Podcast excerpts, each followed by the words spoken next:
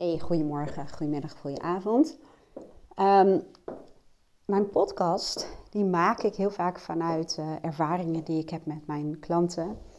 Maar ook vanuit mijn eigen processen. Hè? Als ik zelf ergens tegenaan loop en dan uh, deel ik met jou uh, nou, wat ik dan doe om daar bijvoorbeeld uit te komen. En dat is ook wel grappig, want ik denk dat ik serieus nog wel honderd podcasts heb die ik nog nooit heb gepubliceerd.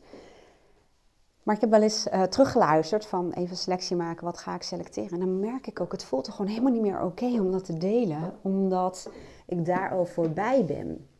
Het is eigenlijk bijna zo dat als ik een podcast heb opgenomen, als het gaat over mijn eigen proces, um, dan is het daarna al als het ware opgelost. Of ik ben al veel meer stappen verder. En dan merk ik gewoon dat het voor mij voelt als oud nieuws. En, uh, dus ik denk dat ik ook heel rigoureus maar gewoon select all ga doen. En al die audio's ook maar gewoon weg ga gooien. Want dat biedt natuurlijk weer ruimte voor nieuw. Daarom werkt het bij mij ook het best om iets op te nemen. En dan binnen korte termijn te publiceren. Moet het wel leren uitspreken. Anyway, nu heb ik zelf ook een eigen procesje, zullen we maar zeggen. Um, ik zit even te kijken hoe ik dat het beste uit kan leggen, maar ik denk dat je het wel herkent. Soms dan vind je iets uh, gewoon lastig. En dat is natuurlijk al heel breed, maar heel specifiek gezien gaat het in mijn geval over... Um, ik moet even iemand een mailtje sturen. En zegt dan een soort van gedachte, een stemmetje in mij, je moet helemaal niks. Nee, maar bij wijze van spreken, iemand heeft mij een mail gestuurd. En die heeft eigenlijk een soort van uh, discussie is die met me aangegaan over mijn tarieven. Dat gebeurt bijna nooit. Ik heb echt honderden klanten gehad en dit is dan een zakelijke klant. En die vindt wat van de manier waarop ik uh, nou ja, mijn tarieven heb uh, nou ja, uitgezet, of hoe zeg je dat, bepaald. En dat kan. En hij is één van de honderden.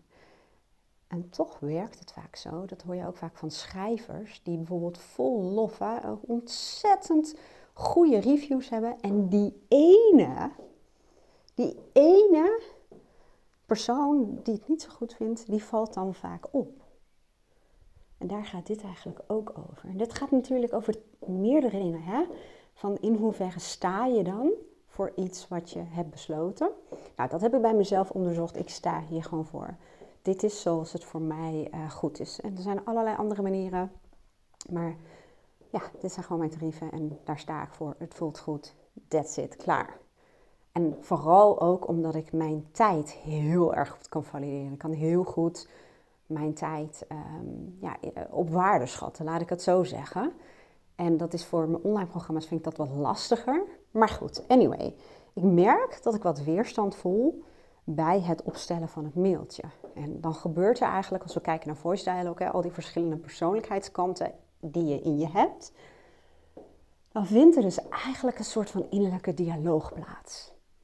En um, nou, dat ga ik je dus even delen. Er is iets in mij die weerstand biedt om het mailtje te sturen.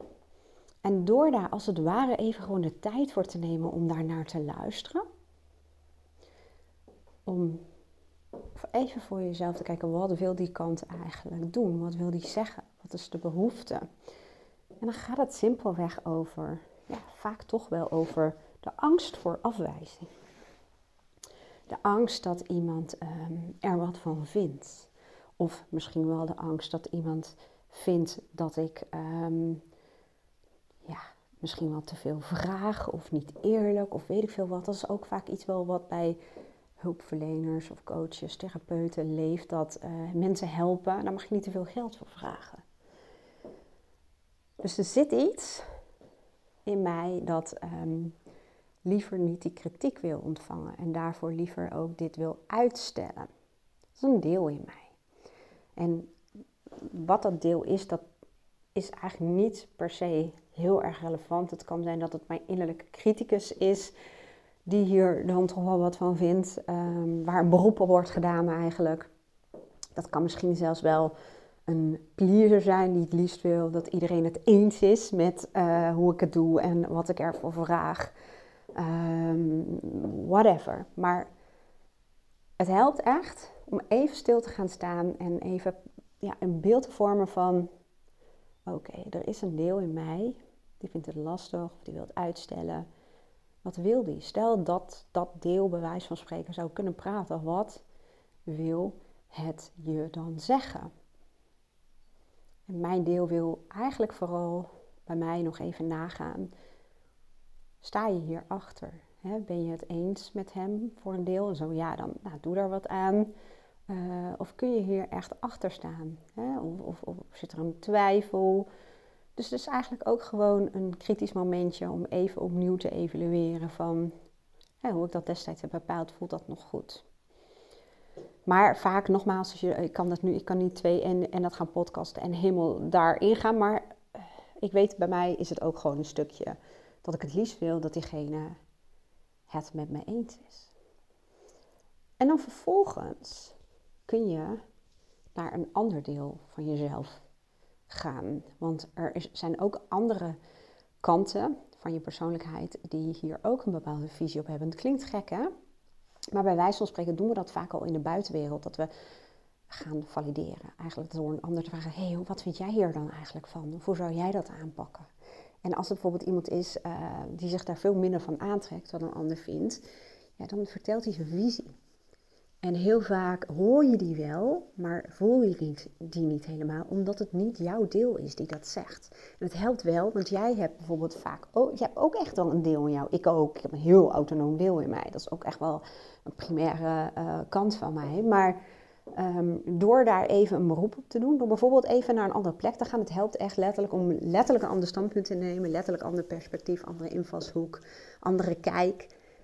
En bij wijze van spreken even te kijken naar bijvoorbeeld je zelfvertrouwen, of je zakelijke kant, of je autonome kant, of je zelfvertrouwen, of je zelfverzekerde kant, of je meer onpersoonlijke kant, wat je dan ook in die situatie nodig hebt. Ik probeer mij vaak bijvoorbeeld even een perspectief in te nemen. Ik speel daar ook een beetje mee. Vanmorgen dacht ik, oh ja, stel dat ik een assistent had. Hè? Mijn dochter helpt me bijvoorbeeld wel eens met bepaalde zaken. En stel dat je die assistent gewoon meegeeft wat jouw beleid is ja, dan gaat hij namens jou gewoon uh, zeggen, nou ja, het is gewoon wat het is. Hè? We, kunnen, we kunnen wel een afspraak hierover maken en daarover maken, maar dit is gewoon wat het is, punt. Hè? Door je even te switchen van, goh, hoe, hoe zou ik hiermee omgaan als het ware dat ik mijn eigen assistent zou zijn. Dat kan een manier zijn, wat ook kan helpen. Wat bij mij goed helpt, is om mijn autonome kant aan te spreken. Een autonome kant is in mijn beleving een kant die ja, heel erg eh, zelf een visie, idee heeft, koerst op eigen waarden, normen, zelf denkt. Ehm, ja, ook heel erg kan staan voor ja, wat ik belangrijk vind en hoe ik naar bepaalde zaken kijk. en met respect voor de ander. Nou, die kant zou ik kunnen raadplegen en uh, nou, stel dat die kant zou kunnen praten, bij wijze van spreken. Nou, wat zou die dan tegen mij zeggen in dit geval? Die zou gewoon zeggen, je hebt hier heel erg goed over nagedacht. je kunt op allerlei manieren ervoor kiezen om je uh, tarieven vast te stellen. En dit is iets waar je goed over nagedacht hebt. En uh, perfect is het nooit. Er is altijd wel iemand die er mogelijk wat van zou kunnen vinden. Maar dit is voor jou het beste. Hou je daaraan. En uh, ik voel ook, ik ga ook geen uitzondering maken, want dat vind ik dan niet eerlijk naar de andere mensen die um, nou ja, wel bijvoorbeeld dat tarief gewoon altijd al betalen. Ik kan ook een meer onpersoonlijke kant uh, kiezen of een zakelijke kant. Dus kijken hoe zou die hiermee omgaan. En die zou tegen mij zeggen, als honderden mensen uh, dit gewoon betalen, dan uh, is het dat ook waard. Hè? Want de mensen die betalen, ja, geven ook aan of datgene wat jij verkoopt ook echt die waarde mag hebben. Het klinkt een beetje gek, maar is dan vast wat ik bedoel.